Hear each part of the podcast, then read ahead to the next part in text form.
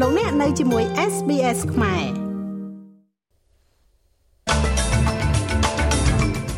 គណៈរដ្ឋមន្ត្រីជាតិដោះស្រាយលើបញ្ហាប្រព័ន្ធសុខាភិបាលកំភ្លើងនិងសម្លេងជនជាតិដើមទៅកាន់សភាអូស្ត្រាលីសម្រេចសេចក្តីលម្អិតអំពីនាវាមុជទឹកនុយក្លេអ៊ែរជាមួយនឹងការប្រកាសដ៏ធំមួយដែលគេរំពឹងទុកនៅខែក្រោយអ្នកទោសអ៊ីតាលីដែលរត់គេចខ្លួនអស់រយៈពេល16ឆ្នាំត្រូវបានចាប់ខ្លួននៅក្នុងប្រទេសបារាំង។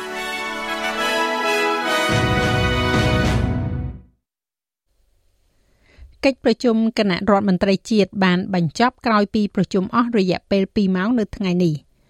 នាយករដ្ឋមន្ត្រីអភិបាលរដ្ឋនិងប្រធានរដ្ឋបានចុះហត្ថលេខាលើសេចក្តីថ្លែងការណ៍មួយ បង្ហាញពីការគ្រប់គ្រងរបស់ពួកគេចំពោះសម្លេងជនជាតិដើមភាគតិចទៅកាន់សភា។ បណ្ដាថ្នាក់ដឹកនាំបានបដិញ្ញាពិចារណាទៅលើជំហានដើម្បីអនុវត្តសម្លេងនេះប្រសិនបើការបោះឆ្នោតប្រជាមតិទទួលបានជោគជ័យរួមទាំងការជួយនៅក្នុងការរចនានិងការអនុវត្តនៅថ្នាក់មូលដ្ឋានផងដែរលោកនាយករដ្ឋមន្ត្រី Anthony Albanese មានប្រសាសន៍ថាអតិភិបចម្បងសម្រាប់ឆ្នាំ2023នៅទូទាំងសហព័ន្ធនិងរដ្ឋនានាគឺជាកំណែទម្រង់ការថែទាំសុខភាព។ លោកក៏និយាយផងដែរថាការងារមូលដ្ឋានត្រូវតែធ្វើបន្ថែមទៀតដើម្បីសម្រេចបាននៅគោលដៅបិទគម្លាតសម្រាប់ជនជាតិដើមនិងអ្នកកោះ Torres Strait លោកមានប្រសាសន៍បន្ថែមថានាយកអង្គការស៊ើបអង្កេតសន្តិសុខអូស្ត្រាលីហៅកាត់ថា ASIO លោក Mike Burgess បានពន្យល់ប្រាប់មេដឹកនាំនានាអំពីលទ្ធិជ្រុលនិយមស្ដាំ នៅក្នុងប្រទេសអូស្ត្រាលី ហើយបណ្ដាមេដឹកនាំបានយល់ព្រមចាប់ផ្ដើមការចុះបញ្ជីអាវុធថ្នាក់ជាតិដែលហៅថា National Firearm Register នៅឆ្នាំនេះ Uh, it's quite clear that we need to do better in cooperation between វាច្បាស់ណាស់ថាយើងត្រូវតែធ្វើឲ្យកាន់តែប្រសើរឡើងនៅក្នុងកិច្ចសហប្រតិបត្តិការរវាងយុត្តាធិការនៅពេលដែលនិយាយអំពីអាវុធនោះគឺជាផ្នែកមួយនៃបញ្ហាដែលបានកំណត់នៅក្នុងរដ្ឋ Queensland យើងបានយល់ព្រមថាយើងនឹងរាយការណ៍ត្រឡប់មកវិញនៅពាក់កណ្ដាលឆ្នាំអំពីជំរើសក្នុងការអនុវត្តការចុះបញ្ជីអាវុធជាតិ វាត្រូវបានយល់ព្រមថាជាវិធានការដែលចាំបាច់គណៈបកប្រឆាំងនៅឯរដ្ឋ New South Wales បានគម្រាមបញ្ជូនវិធានការមួយរបស់រដ្ឋាភិបាលដែលមិនរាប់បញ្ចូលមណ្ឌលបោះឆ្នោតរបស់បក Labor ចូលទៅក្នុងតំបន់ដែលទទួលបាននូវការផ្ដល់មូលនិធិសង្គ្រោះបន្ទាន់ភ្លើងឆេះព្រៃជូនទៅកាន់អង្គភាពឃ្លាំមើលអំពើពុករលួយរបស់រដ្ឋនេះរបាយការណ៍មួយរបស់អគ្គសាវនាករ រដ្ឋនេះនិយាយថាការិយាល័យរបស់អតីតអភិបាលរងលោក John Barilaro បានធ្វើអន្តរាគមនៅក្នុងកម្មវិធីជំនួយភ្លើងឆេះព្រៃដែលបានបង្កើតនៅប្រាក់អបបរមាចំនួន1លានដុល្លារសម្រាប់គម្រោងស្ដារឡើងវិញយ៉ាងឆាប់រហ័សដែលបានកាត់ចោលនៅគម្រោងប្រហែលជា10គម្រោងចេញពីបញ្ជីសម្រាំងដែលក្នុងនោះមាន5គម្រោងមកពីមណ្ឌលអ្នកបោះឆ្នោតគ្រប់គ្រងបក Labor មេដឹកនាំបក Labor គឺលោក Chris Minns មានប្រសាសន៍ថាលោកនឹងស្នើសុំការស៊ើបអង្កេតជាផ្លូវការតាក់ទងទៅនឹងការបែងចែកមូលនិធិនៃកម្មវិធីជំនួយ Black Summer នេះ a culture ingrained in the marrow of the New South Wales government when it វប្បធម៌ដែលបង្កប់នៅក្នុងខួរឆ្អឹងរបស់រដ្ឋាភិបាល New South Wales នៅពេលនិយាយអំពីការបែងចែកនៅមូលនិធិសាធារណៈនិងធនធានទៅឲ្យអ្នកបោះឆ្នោតគោលដៅសម្រាប់គោលបំណងនយោបាយបកពួកទាំងនេះគឺជាការរកឃើញឯករាជ្យដ៏គួរឲ្យព្រួយបារម្ភពីអគ្គសាវនករ ដែលហាក់ដូចជាបង្ហាញលើកដំបូងក្នុងប្រវត្តិសាស្ត្រអូស្ត្រាលីនៅនយោបាយនៃការស្ដារឡើងវិញនៅជំនួយគ្រោះមហន្តរាយសម្រាប់ប្រជាជននៃរដ្ឋនេះដែលមិនធ្លាប់មានពីមុនមក ពួកយើងស្ថិតនៅក្នុងស្ថានភាពដែលជំនួយត្រូវបានផ្ដល់ជូនដោយផ្អែកទៅលើការពឹងពាក់ផ្នែកនយោបាយវាចាំបាច់ត្រូវតែមានការពន្យល់ប្រសិនបើមិនដូច្នេះទេយើងនឹងបញ្ជូនវាទៅកាន់ ICAC ដែលជាគណៈកម្មការឯករាជ្យប្រឆាំងអំពើពុករលួយលោក Balirano នៅមិនទាន់ធ្វើអត្ថាធិប្បាយនៅឡើយនោះទេ រដ្ឋមន្ត្រីការពារជាតិលោក Richard Marles និយាយថាលោកកំពុងតែស្ថិតនៅក្នុងការចរចាចុងក្រោយស្ដីអំពីផ្លូវដើររបស់ប្រទេសអូស្ត្រាលីឆ្ពោះទៅកាន់នាវាមុជទឹកដើរដោយធម្មពលនុយក្លេអ៊ែរអូស្ត្រាលីនឹងបង្ហាញផែនការរបស់ខ្លួនក្នុងការទទួលបាននៅនាវាមុជទឹកដោយ ដើរដោយធម្មពលនុយក្លេអ៊ែរតាមរយៈកិច្ចព្រមព្រៀងសន្តិសុខ AUKUS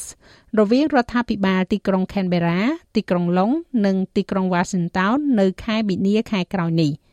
មានសេចក្តីរាយការណ៍មកថាលោកនាយករដ្ឋមន្ត្រី Anthony Albanese ក្រុងនឹងធ្វើដំណើរទៅកាន់សហរដ្ឋអាមេរិកដើម្បីធ្វើសេចក្តីប្រកាសជាមួយនឹងប្រធានាធិបតីអាមេរិកលោក Joe Biden និងនាយករដ្ឋមន្ត្រីអង់គ្លេស Rishi Sunak លោក Males មានប្រសាសន៍ថាកិច្ចព្រមព្រៀងនេះនឹងលើកកម្ពស់ជំហរអន្តរជាតិរបស់ប្រទេសអូស្ត្រាលី This is a huge moment in our country's history. នេះគឺជាពេលវេលាដ៏ធំមហិមាមួយនៅក្នុងប្រវត្តិសាស្ត្ររបស់ប្រទេសយើង វានឹងផ្លាស់ប្ដូរបុគ្គលិកលក្ខណៈអន្តរជាតិរបស់ប្រទេសអូស្ត្រាលីវានឹងពង្រឹងសមត្ថភាពរបស់យើងយ៉ាងខ្លាំងហើយជាមួយគ្នានោះនឹងកសាងនូវអធិបតេយ្យភាពរបស់យើងសារៈសំខាន់នៃចក្រភពអង់គ្លេសនិងសហរដ្ឋអាមេរិកដែលធ្វើការរួមគ្នាដើម្បីជួយយើងនោះគឺមានបច្ចេកវិទ្យាជាអ្វីដែលស្ថិតនៅក្នុងលក្ខខណ្ឌអន្តរជាតិហើយក៏មានសារៈសំខាន់ខ្លាំងណាស់ដែរ រដ្ឋបាលទំនិញព្យាបាល TGA និយាយថាការធ្វើតេស្តរហ័ស RAT មានប្រសិទ្ធភាពនៅពេលដែលករណី COVID ធ្លាក់ចុះនៅទូទាំងប្រទេសអូស្ត្រាលី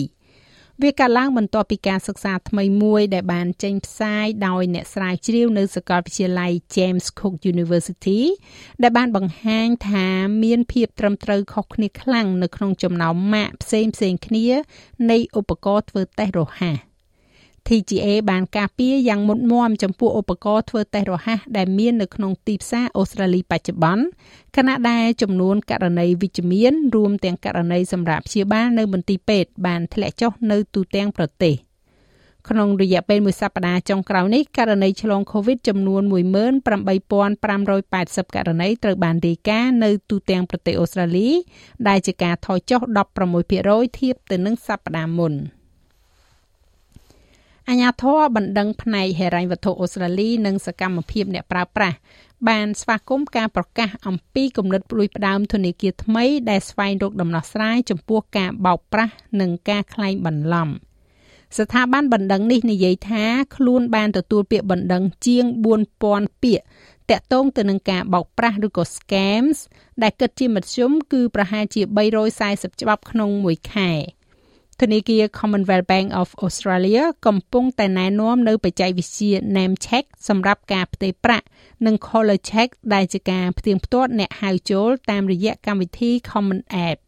សំដៅ CommBank App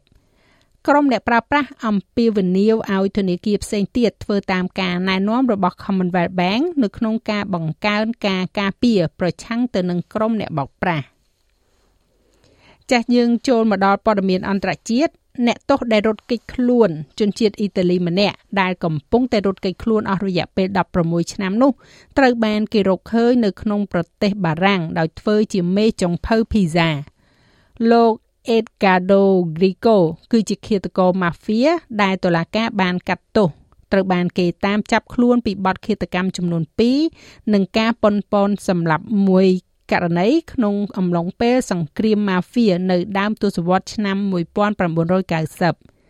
លោកបានភៀសខ្លួនចេញពីប្រទេសអ៊ីតាលីបន្ទាប់ពីបានទទួលការកាត់ទោសឲ្យជាប់ពន្ធនាគារអស់មួយជីវិតនៅក្នុងឆ្នាំ2006ហើយបានផ្លាស់ទៅរស់នៅ Saint-Étienne នៅក្នុងប្រទេសបារាំងជាកន្លែងដែលលោកបានក្លាយទៅជាមេចុងភៅភីហ្សាក្រោមឈ្មោះคล้ายៗ Paulo de Metro បន្ទាប់ពីបង្ហាញមុខនៅក្នុងសារព័ត៌មានសម្រាប់ភោជនីយដ្ឋាននោះអង្គភាពប្រតិបត្តិការរួមគ្នារវាងប៉ូលីសយោធាអ៊ីតាលីអាជ្ញាធរបារាំងនិងប៉ូលីស Interpol បានកំណត់អត្តសញ្ញាណអ្នកទោសដែលរត់គេចខ្លួននេះនិងបានចាប់ខ្លួនរូបលោកកាលពីថ្ងៃប្រហ័សម្សិលមិញ។ នៅប្រទេសកម្ពុជាលោកនាយករដ្ឋមន្ត្រីហ៊ុនសែនបានប្រកាសឲ្យប្រជាពលរដ្ឋខ្មែរដែលធ្លាប់គ្រប់គ្រងគណៈបកប្រឆាំងឬក៏ជេររដ្ឋាភិបាលនៅខាងក្រៅប្រទេសដែលមិនធ្លាប់មានដីកាតាមចាប់ខ្លួននោះឲ្យវិលត្រឡប់មកប្រទេសកម្ពុជាវិញបានដោយសេរីលោកបានអំពាវនាវដល់ពលរដ្ឋខ្មែររស់នៅក្រៅប្រទេសសូមវិលត្រឡប់មកលេងនិងទស្សនាកម្ពុជាដើម្បីមើលការអភិវឌ្ឍប្រទេសជាតិ។ ហើយលោកក៏បានប្រកាសធានាថាពលរដ្ឋខ្មែរមួយចំនួនដែលនៅក្រៅប្រទេសដែលធ្លាប់គ្រប់គ្រងបកប្រឆាំងឬក៏ជេររដ្ឋាភិបាលអាចមកស្រុកកំណើតវិញបានដោយសារតែពួកគាត់មិនមានដីកាតុលាការដោយមេដឹកនាំឬក៏ក្រុមប្រឆាំងមួយចំនួននោះទេហើយនេះគឺជាប្រសាសន៍ផ្ទាល់របស់លោកហ៊ុនសែនប្រាំផ្ញើទៅម្នាក់ទៀតដែលថាធ្លាប់រលុយឲ្យគណៈបកប្រឆាំងថាចង់មកស្រុកហើយខ្លាច កុំខ្លាចយើងអត់មានរឿងអីកុំខ្លាចមកមកវាវាណាគេធ្វើអីទីវាណាធ្វើអីទីហើយអ្នកដែលធ្លាប់ប៉ះពាល់ពាក្យសម្ដីគ្នាអីនឹងទៅទៅលើកលែងទៅចាស់លោកមេងផល្លានឹងជូនសេចក្តីរាយការណ៍លម្អិតនៅវគ្គក្រោយបន្ថែមទៀតឬក៏លោកអ្នកអាចចូលស្ដាប់របាយការណ៍ពេញនៅលើគេហទំព័ររបស់យើងនោះគឺ sps.com.au/ ខ្មែរ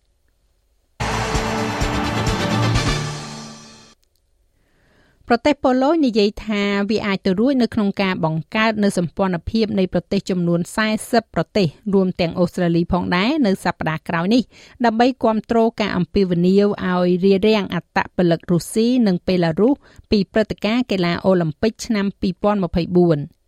ប្រទេសបាល់ទិកនិងប៉ូឡូញបានផ្ដោតទៅលើស្ថាប័នគ្រប់គ្រងកីឡាអន្តរជាតិនៅក្នុងការហាមឃាត់អត្តពលិករុស្ស៊ីនិងបេឡារុសមិនឲ្យចូលរួមប្រកួតកីឡាប៉ារីសនិងព្រឹត្តិការណ៍ផ្សេងៗទៀតខណៈដែលសង្គ្រាមនៅអ៊ុយក្រែនកំពុងតែបន្ត រដ្ឋមន្ត្រីក្រសួងកីឡាប៉ូឡូញលោក Kamil Botnizuk និយាយថាអត្តពលិកទាំងនោះមិនគួរត្រូវបានអនុញ្ញាតឲ្យចូលរួមប្រកួត ក្នុងនាមជាអព្យាក្រឹតក្រោមទង់ជាតិឬក៏ភ្លេងជាតិឡើយ។ Jestem przekonany, że to spotkanie 10 lutego ខ្ញុំជឿជាក់ថាកិច្ចប្រជុំនៅថ្ងៃទី10ខែកុម្ភៈនេះនឹងបញ្ចប់ទៅជាមួយនឹងជំហរស្រដៀងគ្នា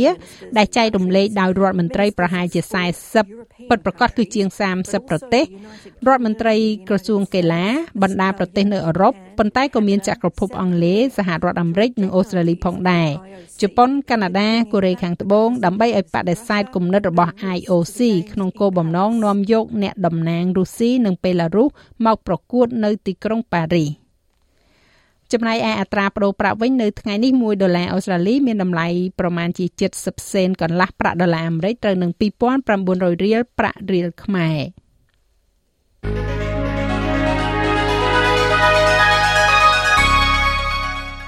ឥឡូវយើងក៏លេខមកមើលការព្យាករណ៍អាកាសធាតុសម្រាប់ថ្ងៃសៅរ៍ស្អែកនេះវិញនៅទីក្រុងផឺតមានពពក38អង្សា នៅអាដាលេដមានពពកដូចគ្នា21អង្សា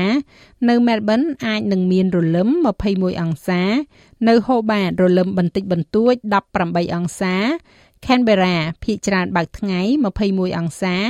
បើកថ្ងៃនៅ Sydney 29អង្សា នៅ Brisbane អាចនឹងមានរលឹម35អង្សារលឹមបន្តិចបន្តួចអាចនឹងមានព្យុះនៅ Cairns 32អង្សា នៅ Darwin មានពពកដោយពេល33អង្សា និងនៅទីក្រុងភ្នំពេញ មានពពកដោយពេលដូចគ្នា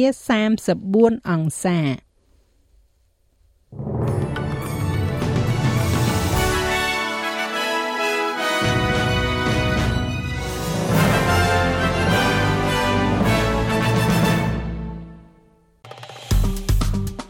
ចុច like share comment និង follow SPS ខ្មែរនៅលើ Facebook